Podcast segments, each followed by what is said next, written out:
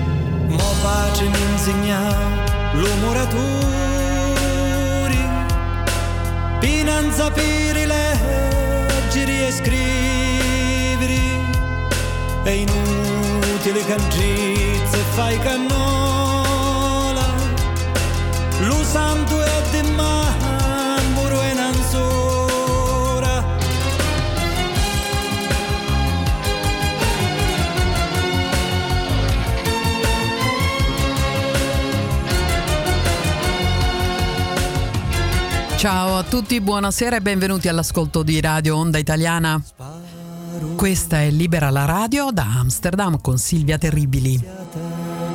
Gelo, fuochi di colori, dell'aria bruciata e tutti appresso santo da.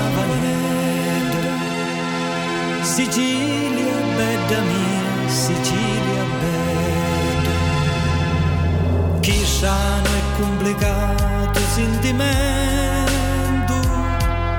non ti lai a dire limo bene, cos'avi se sei in grado di capire, non saccio come mai ti voglio bene, mesmo che ismi Khalifa, altro suo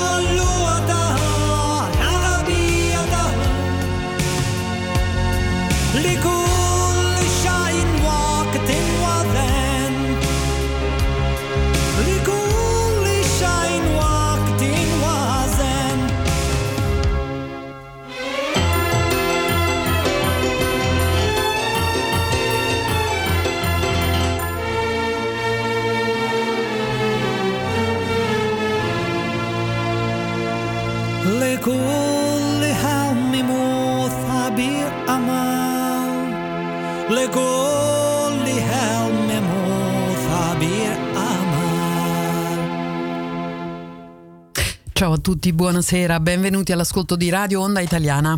Questa è Libera la Radio da Amsterdam con Silvia Terribili in studio. Questa sera abbiamo un ospite, eh, medico, psicologo Luciano Casolari. Parleremo di eh, vaccini.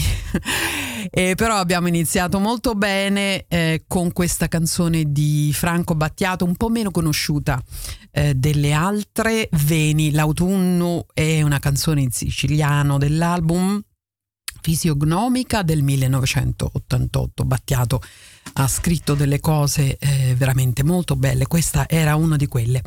Prima di collegarci con Luciano Casolari vi faccio ascoltare una canzone di Francesca del Santo che si intitola Come un virus.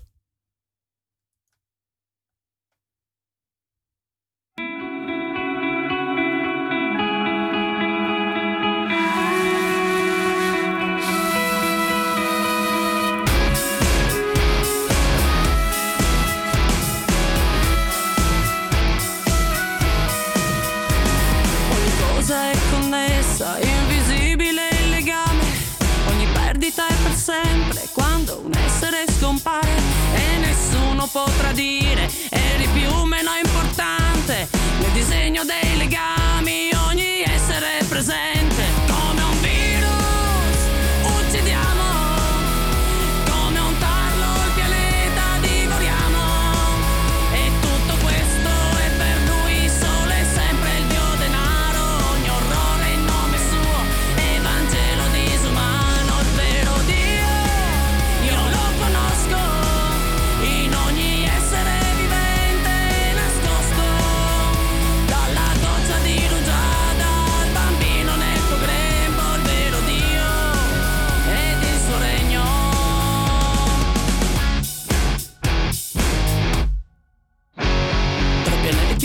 pianeti conosciuti, tu sei quello detto blu. Negli oceani la vita è nata ed ora ci sei tu. Nelle fosse siamo scesi, un altro mondo al buio è. L'universo misterioso non è ignoto quanto te.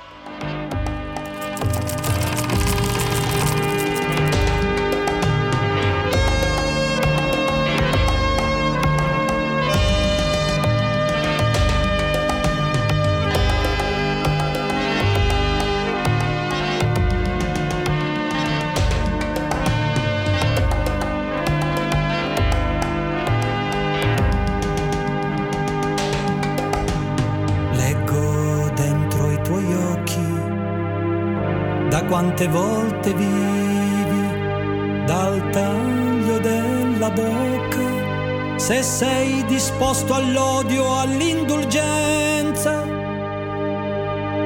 nel tratto del tuo naso se sei orgoglioso fiero oppure vile i drammi del tuo cuore li leggo nelle mani,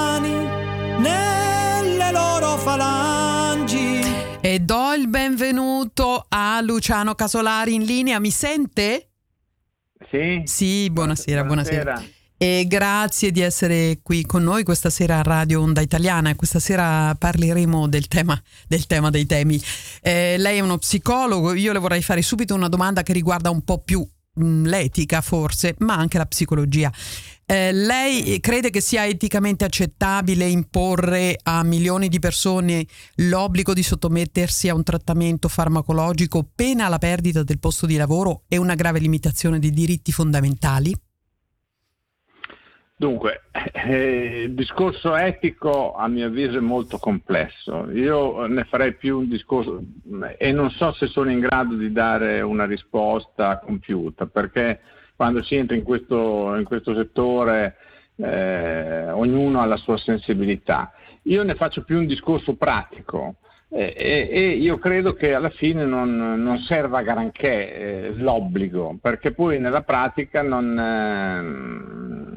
eh, eh, non è possibile imporre ad, ad, alcuni di fare un trattamento sanitario che non sono disponibili ad attuare. Non ci sono abbastanza carabinieri per farlo. Io credo che sia molto più utile il convincimento. Ho provato anche a fare delle proposte in questo senso che a mio avviso potrebbero portare a un miglioramento dell'adesione delle persone, perché quello che io ritengo è che le persone nella gran parte siano eh, impaurite, vivano di pancia il problema eh, del vaccino, non lo vivono eh, a livello razionale, ma lo vivono a livello emozionale ed è questa la differenza più importante.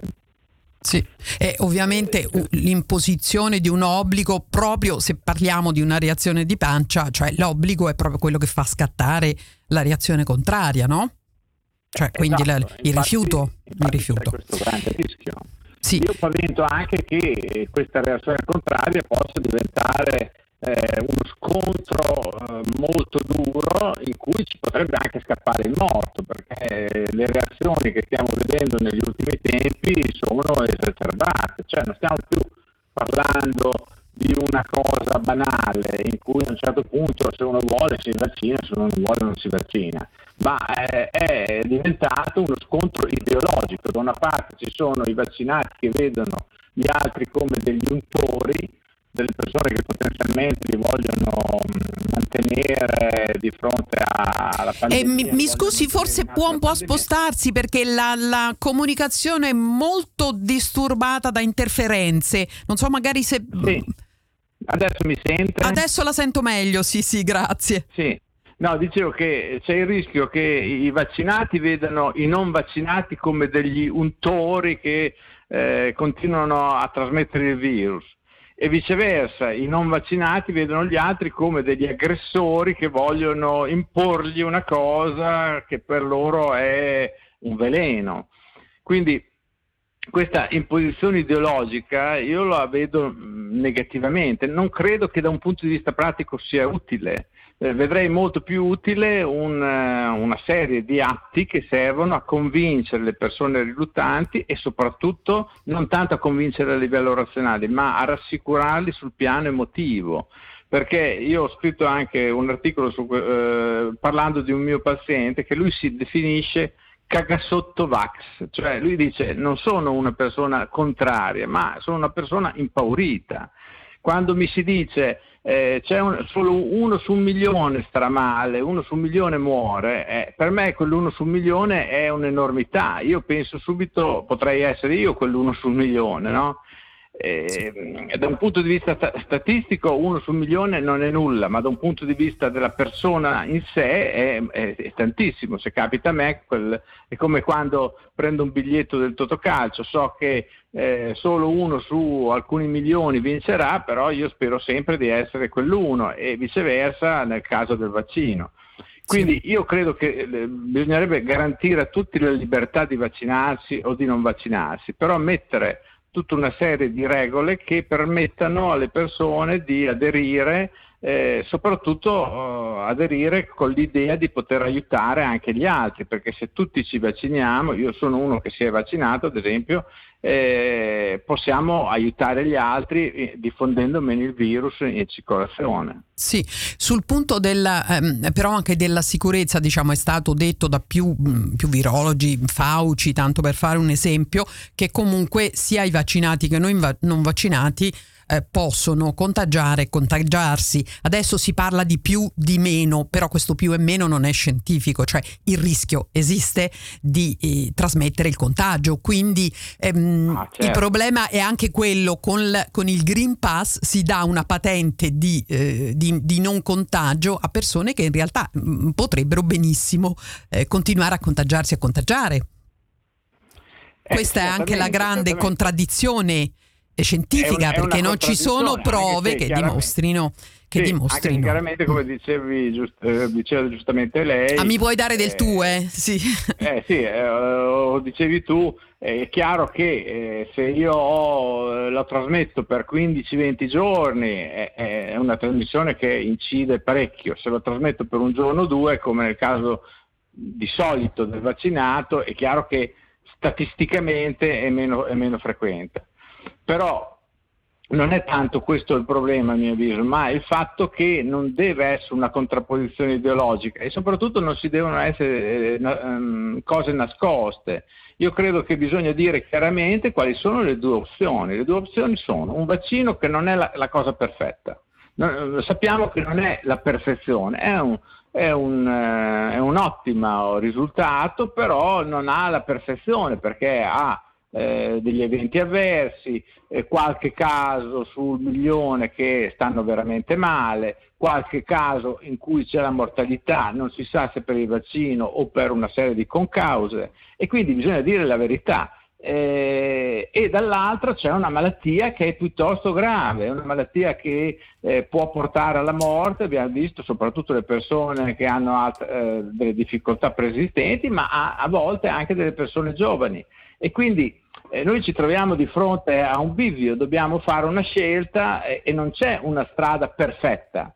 E, e bisogna che eh, lo, lo, accettiamo questo fatto che nessuno ha eh, la chiave della perfezione, ma tutti ci troviamo di fronte a un'incertezza. Sì, però il governo italiano ha scelto per le misure forti o ti vaccini eh, oppure governo, perdi il eh, posto il di lavoro. Che e, e questo non, re, non facilita, no? Non facilita eh, questo devi fare un discorso generale e soprattutto eh, la classe medica si è molto schierata per eh, il vaccino come quasi obbligatorio. Quindi eh, si è entrati in una posizione eh, di quasi obbligatorietà. Perché cioè, si, si è creata che... un'escalation no? eh, emotiva, ma eh, cioè uno si, si, vede veramente la pistola alla tempia. Ah sì, perché se, mm. se, io ti impongo di vaccinarti eh. perché altrimenti non potrai lavorare, è evidente sì. che ti metto in una condizione di, di grande difficoltà, se, perché sì. eh, hai solo due strade, o perdere lo stipendio oppure eh, fare una cosa che non volevi fare e quindi con una grossa difficoltà. Quindi è per questo che io non vedo tutta questa utilità di questo Green Pass eh, attuato in questo modo. Io l'avrei fatto forse, ma solo per le cose ludiche, per le cose che uno opzionali, ma metterlo per il lavoro mi sembra una forzatura importante. Sì, anche un viaggio all'estero, degli po- extra. Le decisioni politiche sì. capisco che sono complesse da fare, io non, fortunatamente non faccio il politico e non devo prendere queste decisioni mm. perché capisco che quando ci sono di mezzo i morti e e le percentuali di morti diventa difficile prendere delle sì. decisioni. Eh, ma senti però, quindi al governo non ci sono degli psicologi che consigliano oppure consigliano proprio terrorizzate la popolazione, non so.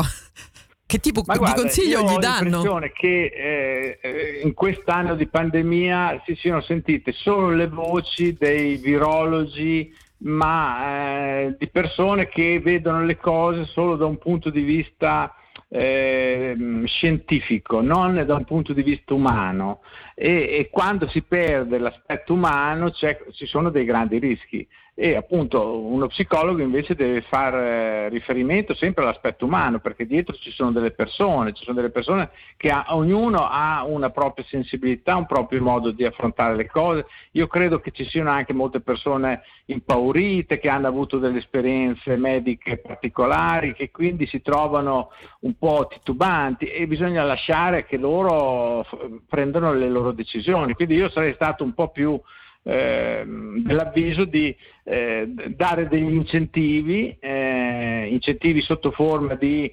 ehm, non dover prenotare, ad esempio per me una cosa importante è che ci sono tanti pazienti che soffrono di ansia anticipatoria, cioè eh, di fronte all'idea di avere il vaccino fra tre giorni eh, eh, soffrono per tre giorni perché ci pensano in modo compulsivo. Allora se invece ci fosse la possibilità, come adesso sembra che avverrà forse, di andare eh, immediatamente a farsi vaccinare senza bisogno di fa- fare la prenotazione, probabilmente queste persone sarebbero rassicurate, ci andrebbero in modo più immediato senza dover eh, decidere in anticipo. Sì. Oppure l'altra possibilità sarebbe dare i vaccini ai medici di famiglia e permettere quindi che un medico che di solito è un medico di fiducia ti possa rassicurare. Ecco, secondo me con alcuni accorgimenti si otterrebbero più risultati che con l'imposizione. Sì. Questa eh, è la mia idea. Sì, un altro grosso problema è la mancanza di fiducia, eh, il calo continuo della fiducia eh, nelle, eh, nelle, nelle, aziende farmaceutiche, alle aziende di biotech, anche del telecom, nelle agenzie finanziarie, ah, le agenzie in genere legate a conflitti di interessi ehm, con le stesse multinazionali. Quindi il punto è anche questo, cioè se uno non si fida e magari magari mh, mm, ha dei motivi mh, mm, suoi eh, per non fidarsi. Con un decreto legge noi non possiamo imporre la fiducia. Questo è veramente assurdo. Eh, certo, certo, certo, cioè si, può, si, può, incarcerare una persona, ma non, gli, non la si può convincere che si deve fidare di Big Pharma. Esatto, e eh, questa è una battaglia persissima se, comunque, no? Se le eh. persone eh. andranno a vaccinarsi con l'imposizione del fatto di perdere il lavoro, saranno delle persone che soffriranno e soprattutto delle persone che poi rischiano anche di avere degli effetti collaterali superiori perché da un punto di vista psicologico sono eh, in uno stato emotivo particolare sì. e staranno male. Quindi veramente io pavento il fatto che si crei una contrapposizione fortissima andare al 15 di ottobre sì. e con anche delle aggressività. Eh, il problema è anche eh, questo, ormai viviamo da quasi due anni in uno stato di pressione psicologica direi insostenibile, no? Chi non ha una personalità più che forte, più che Mm, con i piedi per terra, diciamo, non può che soccombere a questo stress, cioè sono quasi due anni di una specie di tortura psicologica, su, diciamocelo perché se, se, apri un telegiornale, un giornale, qualsiasi cosa, eh, sì, mm, adesso io leggevo oggi proprio sul quotidiano olandese, già si preparano la doppia dose per l'anno prossimo, cioè queste non sono cose che rassicurano, perché tutti pensano, ah, c'è l'altra doppia dose, vuol dire che questa tra un po' è finita. Quindi eh, diciamo sì. sono due anni che mh, mm, decine di milioni di persone vengono eh, tormentate psicologicamente. Anche qui lo psicologo cosa dice? Questo stato fa male, fa male alla salute, fa tanto male. Ah, sicuramente il fatto che tutti i giorni ci sia questo specie di bollettino con 60 morti, 50 morti, eh, voglio dire, se noi facessimo lo stesso bollettino sui morti che avvengono nelle strade, tipo... Sì, o i tumori, scusa, sono in, in, Italia 180.000 sì. persone all'anno secondo statistiche sì, Istat sì, 2017 sì, muoiono di tumore. Per il Covid le, sono stati 130.000 in quasi due anni. E, sì, sì. e, poi c'è anche da dire un'altra cosa.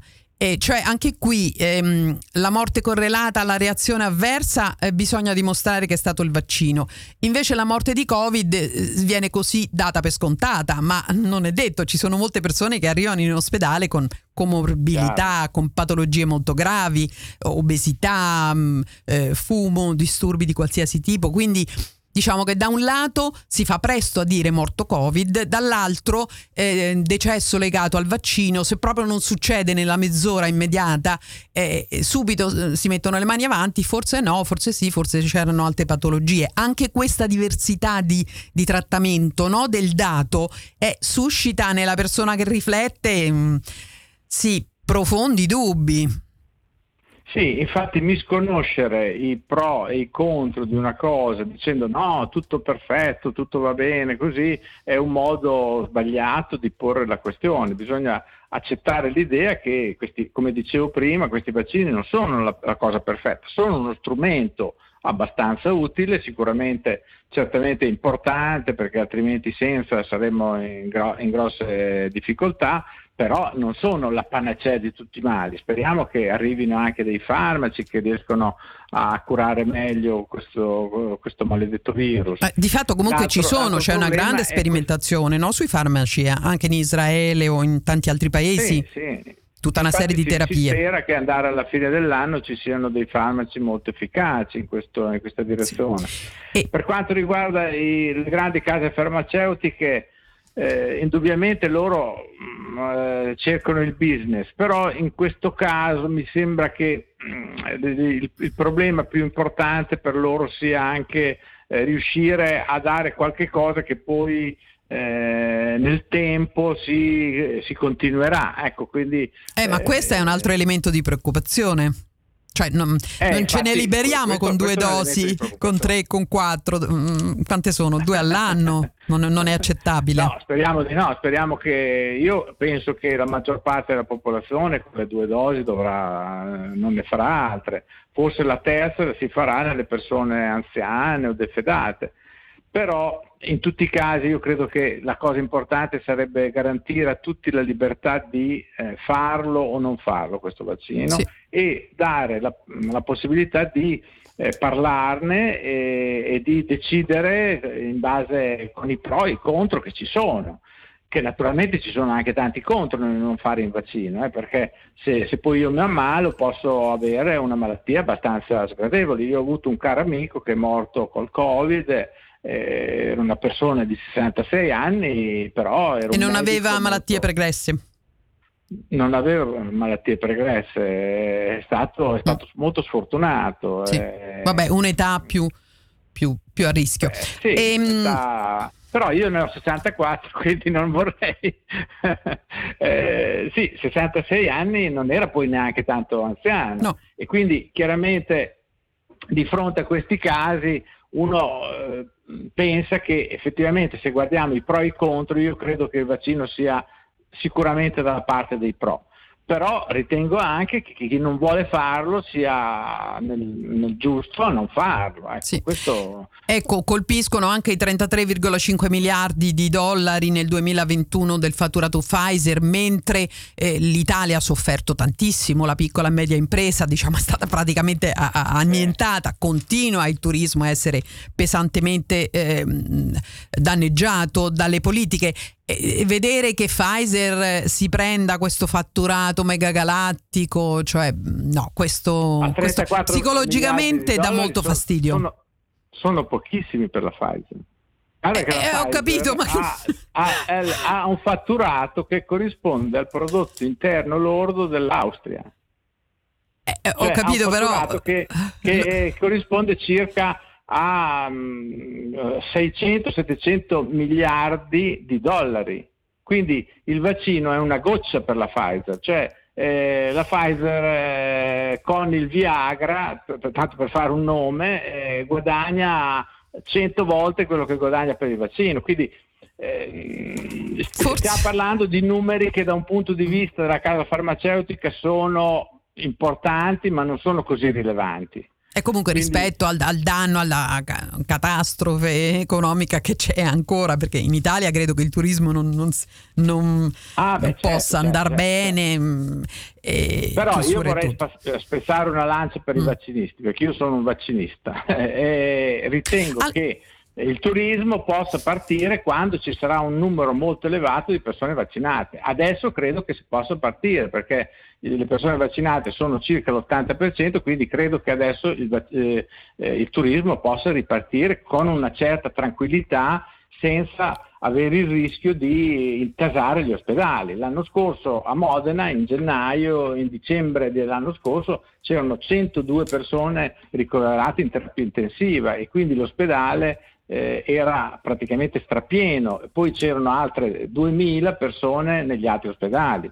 Quindi eh, no, no, non in terapia intensiva ma con il Covid. Quindi si trattava di una situazione che da un punto di vista ospedaliero era ingestibile, non riuscivano a, eh, eh, non, non riuscivano a gestire le altre patologie. Quindi fortunatamente il vaccino ci ha permesso di arrivare alla situazione attuale dove ci sono due persone ricoverate in terapia intensiva attualmente a Modena e credo 200 mm, negli altri, nell'ospedale. Quindi si tratta di una situazione molto più gestibile e questo è quello che deve, deve passare nell'opinione pubblica, il fatto che il vaccino serve a permettere che le cure anche al resto della popolazione avvengano, perché altrimenti noi avevamo bloccato tutto e non potevamo più curare le persone con le altre malattie. Ma io non credo però che in questo momento stiano tornando gli stranieri in Italia così come venivano prima, mi sembra ancora tutto Beh, abbastanza certo, molto meno, lento. Però credo cioè, che si, anche... po- si possa ricominciare, ecco. Eh, Speriamo. Bisogna, almeno, bisogna ricominciare. E senti, non so se tu hai sentito la, l'intervento di Ricciardi in, una, in, un programma proprio di prima serata in cui parlava delle varianti e lui diceva che le varianti si sviluppano quando il vaccino, in, scusa, quando il virus incontra una persona vaccinata eh, che però eh, gli resiste, quindi e allora sviluppa una variante. Questo l'ha detto testuale Ricciardi. Quindi praticamente le varianti sarebbero una reazione, una specie della resistenza eh, del, del, degli antibiotici, diciamo, che si crea no? in sì, questo modo. Sì, sì, ehm, no, secondo me è un... È questo l'ha detto errore, Ricciardi. Eh? Adesso non sono, non sono, non sono mm. un, un, esperto, però credo che sia un errore da un punto di vista medico. Eh, però lo dovrebbe correggere. Così, lo dovrebbe dire. male o, o, o, sei ingarbugliato con le parole. Beh, cioè, le, no, le, le varianti le varianti naturalmente sono eh, più circola il virus, più emergono casualmente delle varianti, perché le varianti sono casuali. È chiaro che la variante, se a un certo punto, ehm, se eh, è più attiva come questa variante Delta, insomma, che eh, questa qua indiana, eh, e si diffonde meglio, eh, prende sopravvento sulle altre però sono, sono, varianti, eh, sono, variazioni casuali, non sono legate al vaccino o non al vaccino, dipendono dalla diffusione del virus. Più il virus circola nella popolazione, più emergono varianti. Mm, però lui parlava proprio di una strategia difensiva del virus di eh, aggirare l'attacco del vaccino, soprattutto ah. quando il... Sì, sì, sì, è que- questa era la... Cioè lui ah, praticamente sì. diceva, quando il vaccino incontra una persona che non, che ha meno resistenze. Il virus? il virus? scusa. Eh. Eh, no, no, no, no. Uh, no, scusa. Hai detto il vaccino, no? Quando il virus incontra Quando il virus ha... incontra eh. una persona che in qualche modo non reagisce bene al vaccino, reag... eh, quando il vaccino, mm, scusa, il virus incontra una persona che non ha reagito bene al vaccino, nel senso che non ha sviluppato una difesa. Eh, si parla di leaky eh, vaccines, quindi un vaccino che mh, mm, mm, perde praticamente non c'entra l'obiettivo, eh? quindi un vaccino che non c'entra l'obiettivo, il virus incontra quel tipo di persona vaccinata, sviluppa una strategia per aggirare, per aggirare. quel ah. vaccino. Quindi no, lui, guarda, questo, eh, questo, l'ha detto. E tra l'altro, non solo ah. lui, ma l'ha detto anche un famoso vaccinologo, un vaccinista proprio assolutamente che ha lavorato, credo, per le case farmaceutiche, Gert van den Bosse, un belga. Quindi io l'ho sentito in olandese, l'ho sentito bene. E lui ha detto ah, praticamente che la strategia è quella. Il virus trova, eh, aggira il vaccino in quelle persone dove il vaccino ha meno effetto, diciamo. Sì, e in questo modo si sviluppano varianti. So, sono medico, ma non, non sono eh. dentro a queste cose, quindi non vorrei entrare in una cosa che, mm. mi sembra, eh, che, che potrei anche sbagliare. Ecco, La qui su questo però, punto sarebbe interessante eh, eh. capire, approfondire, cioè se, se, Ricciardi, che è un esperto, insomma, riconosciuto da tutti, eh, ha fatto un errore, eh, deve spiegarlo bene. Questa cosa è stata detta non solo da lui, ma ripeto, da Gert van den Bos, ma anche dall'olandese, eh, perché l'olandese ha detto sì, sì, è un fenomeno noto, eh, questo fenomeno di aggiramento, no? che produce una variante, perché il virus varia sì, sì, sì. per difendersi in qualche modo. Se viene attaccato, lo, lo, si potrebbe confrontare un po' come le recidive in fondo, no? che sono un modo di...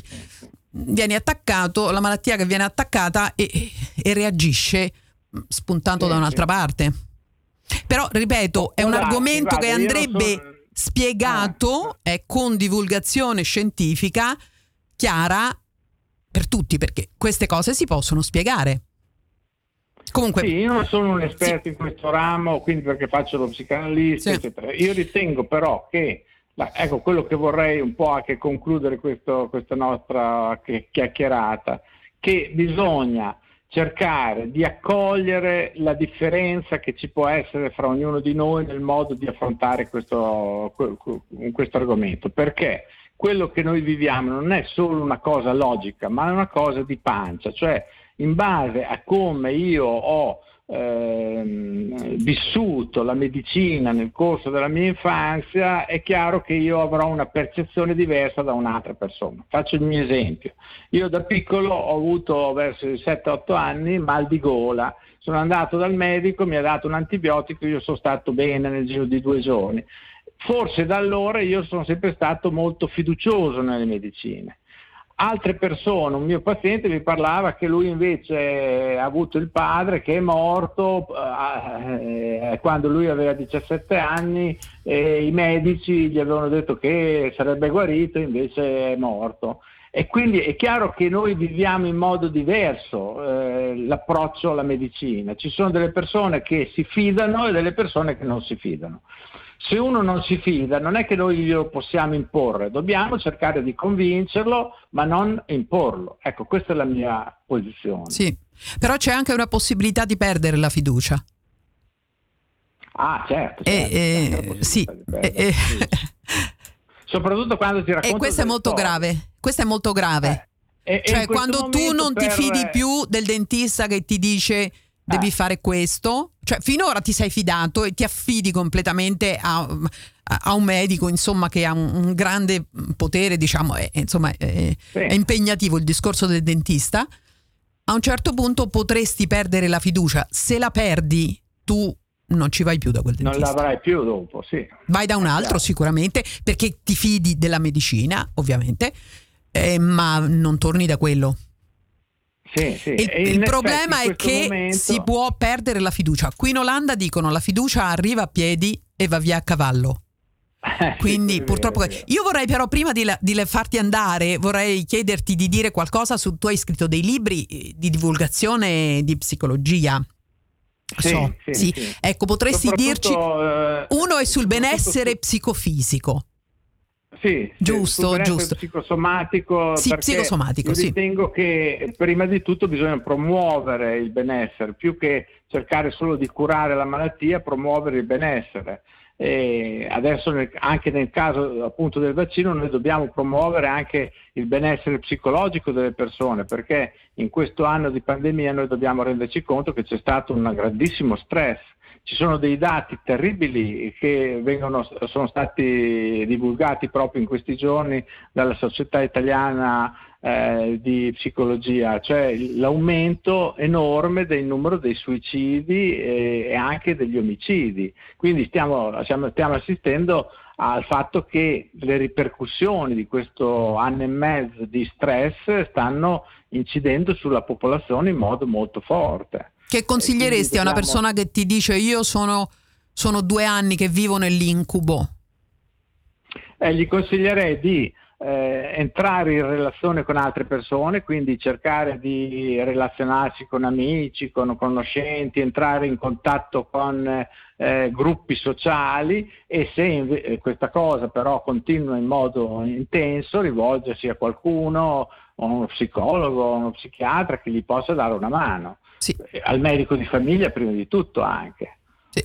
E, senti, l'altro tuo libro invece riguardava eh, dimagrire, un'altra cosa molto importante, sì, mangiamo troppo, mangiamo male. Sì, io ho scritto un libro dimagrire usando la testa, perché secondo me molte persone cercano di dimagrire solo con delle restrizioni alimentari, mentre invece bisogna usare la testa, bisogna cercare di cambiare il proprio modo di sentirsi nel mondo. Allora se io cambio il mio modo di sentirmi nel mondo, riesco anche in, in, tempi ragionevoli a trovare un nuovo equilibrio anche psicofisico e anche riuscire a dimagrire. Eh, ci, ci sono dei metodi in questo senso, però solo con la restrizione alimentare io credo che sia fallimentare, tant'è che vediamo che tutte le diete vanno incontro al, cosiddetto effetto io-io, cioè il fatto che si dimagrisce, poi si torna a ingrassare, poi si dimagrisce, poi si torna a ingrassare, eh, però senza riuscire a trovare un nuovo equilibrio, mentre invece se io cambio un po' il mio modo di sentirmi nel mondo, eh, e di relazionarmi agli altri, allora riuscirò a mantenere un equilibrio. Perché si mangia troppo? Si mangia male? Eh, beh, insomma, ci sono diversi fattori, fra cui una, uno molto importante è il, ehm, una, una, specie di carenza affettiva che viene compensata con l'alimentazione, che fin da piccoli è un qualche cosa che riempie il nostro bisogno di affetto. Ecco, insomma, c'è un po' questo aspetto le, eh, proprio primo, primitivo. Il bambino piccolo, eh, tutte le volte che ha qualcosa che non va, si attacca al seno, cerca al biberon, cerca di, di mangiare per riempire quel vuoto che sente. Vabbè, quello gli fa bene però. Gli, gli fa, fa, bene, bene no? Sì. Però quando eh, da adulto continuerà a fare in questo modo è chiaro mm. che rischia di aumentare molto di peso. Senti, tu scrivi regolarmente sul Fatto Quotidiano, mm, quando è che sì, decidi sì. di scrivere qualcosa o, o ti viene chiesto viene di... In, mente in base agli eventi che sono successi negli, negli ultimi tempi, cioè non ho una regola precisa, diciamo, però vorrei provare a scrivere una volta ogni 10-15 giorni, però poi a volte salto dei periodi perché sono troppo impegnato in altre cose. Va bene. Però quando ci sono degli argomenti che mi interessano, un po' cerco di scrivere il mio punto di vista. Va bene. Ti ringrazio Luciano, grazie per essere stato con noi grazie qui a Radio te, Onda Italiana. Buona serata e a risentirci.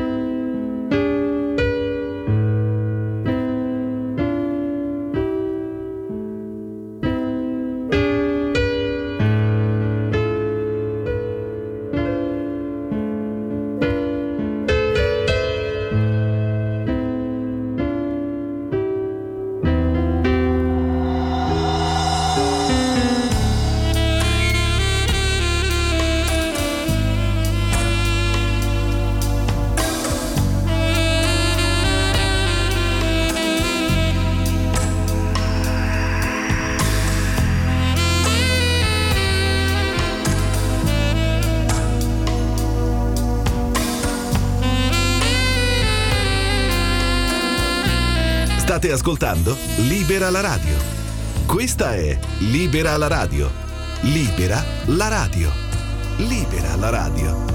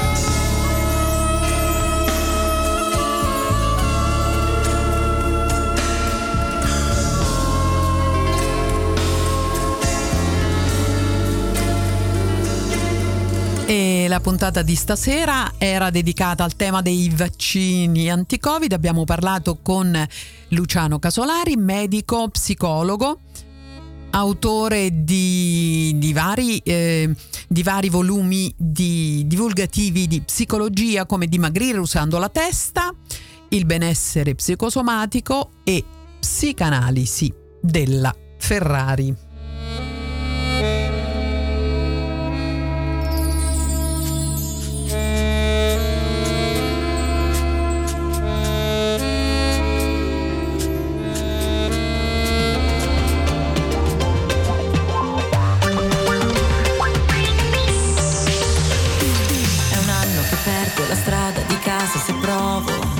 ritornare più niente mi resta nel cuore nemmeno le frecce di un cacciatore. Siamo fuochi dentro una città ma bruciamo solo di domenica. Andiamo a ballare ogni volta un po' come morire. Ma poi chiudo gli occhi e ti vedo sei bello come un sole nero mi servi come un sombrero nel centro di città del Messico. È bello come un buco nero, io sono il regno e tu l'impero, che ci colpisce ancora.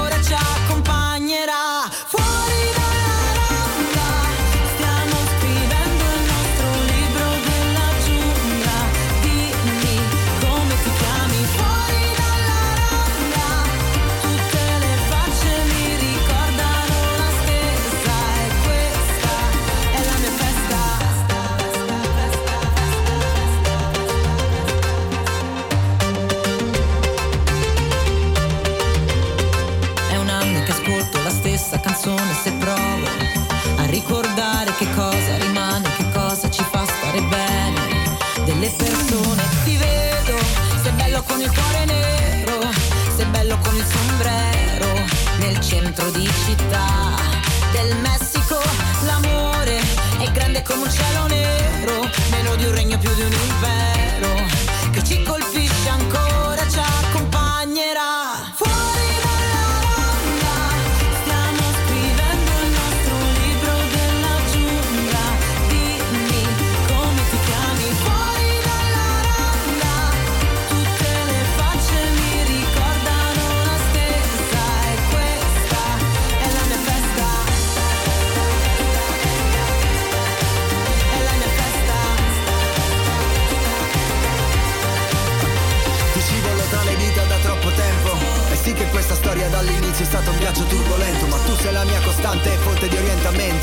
quando ti guardo e mi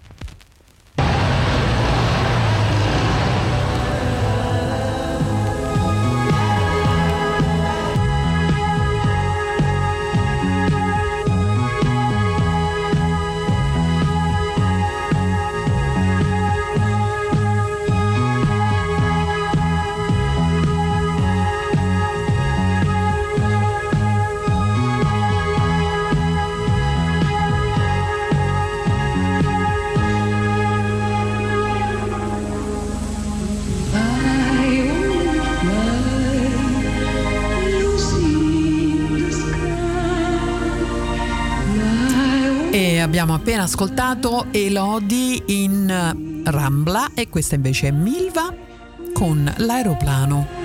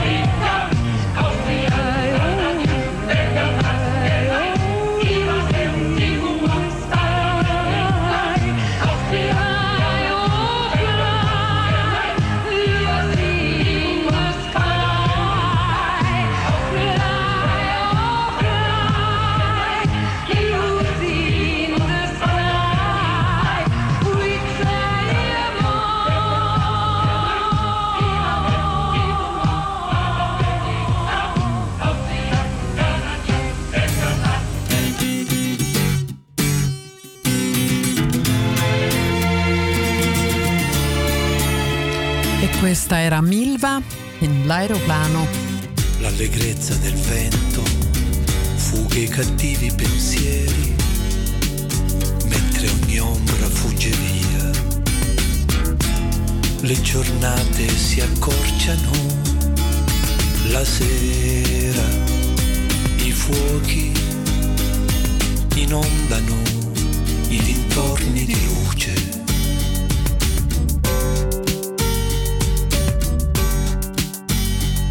la tristezza non prevale su me. Col canto la tengo lontana. Le giornate si allungano. Sto aspettando l'estate. E chiudiamo con questa bella canzone di Franco Battiato, Aspettando l'estate anche aspettando l'autunno, anzi, nell'autunno già ci siamo. Comunque ringrazio tutti per la vostra attenzione. Questa sera Radio Onda Italiana Libera la Radio abbiamo parlato con Luciano Casolari, eh, medico psicologo eh, di vaccini. Tante domande, tanti dubbi. Perché ti rivedrò vi ringrazio ancora per l'attenzione, ci sentiamo la prossima settimana, ehm, sempre qui da Radio Salto Amsterdam, Staz FM, Libera la radio con Silvia Terribili. Vi ricordo anche il programma di lunedì sera, Musica Ribelle, con Stefano e Sebastiano. Sospeso tra due alberi a immaginare l'estasi dei momenti d'ozio voglio riscoprire aspettando l'estate.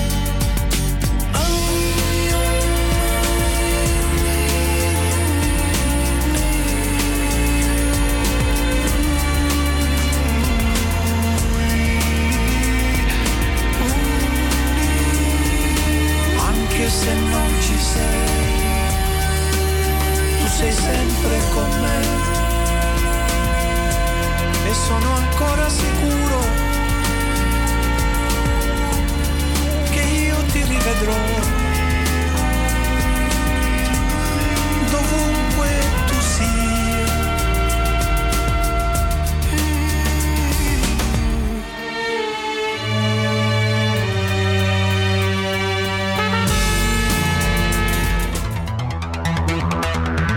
Avete ascoltato Libera la radio a cura di Silvia Terribili. Informazione, musica e cultura italiana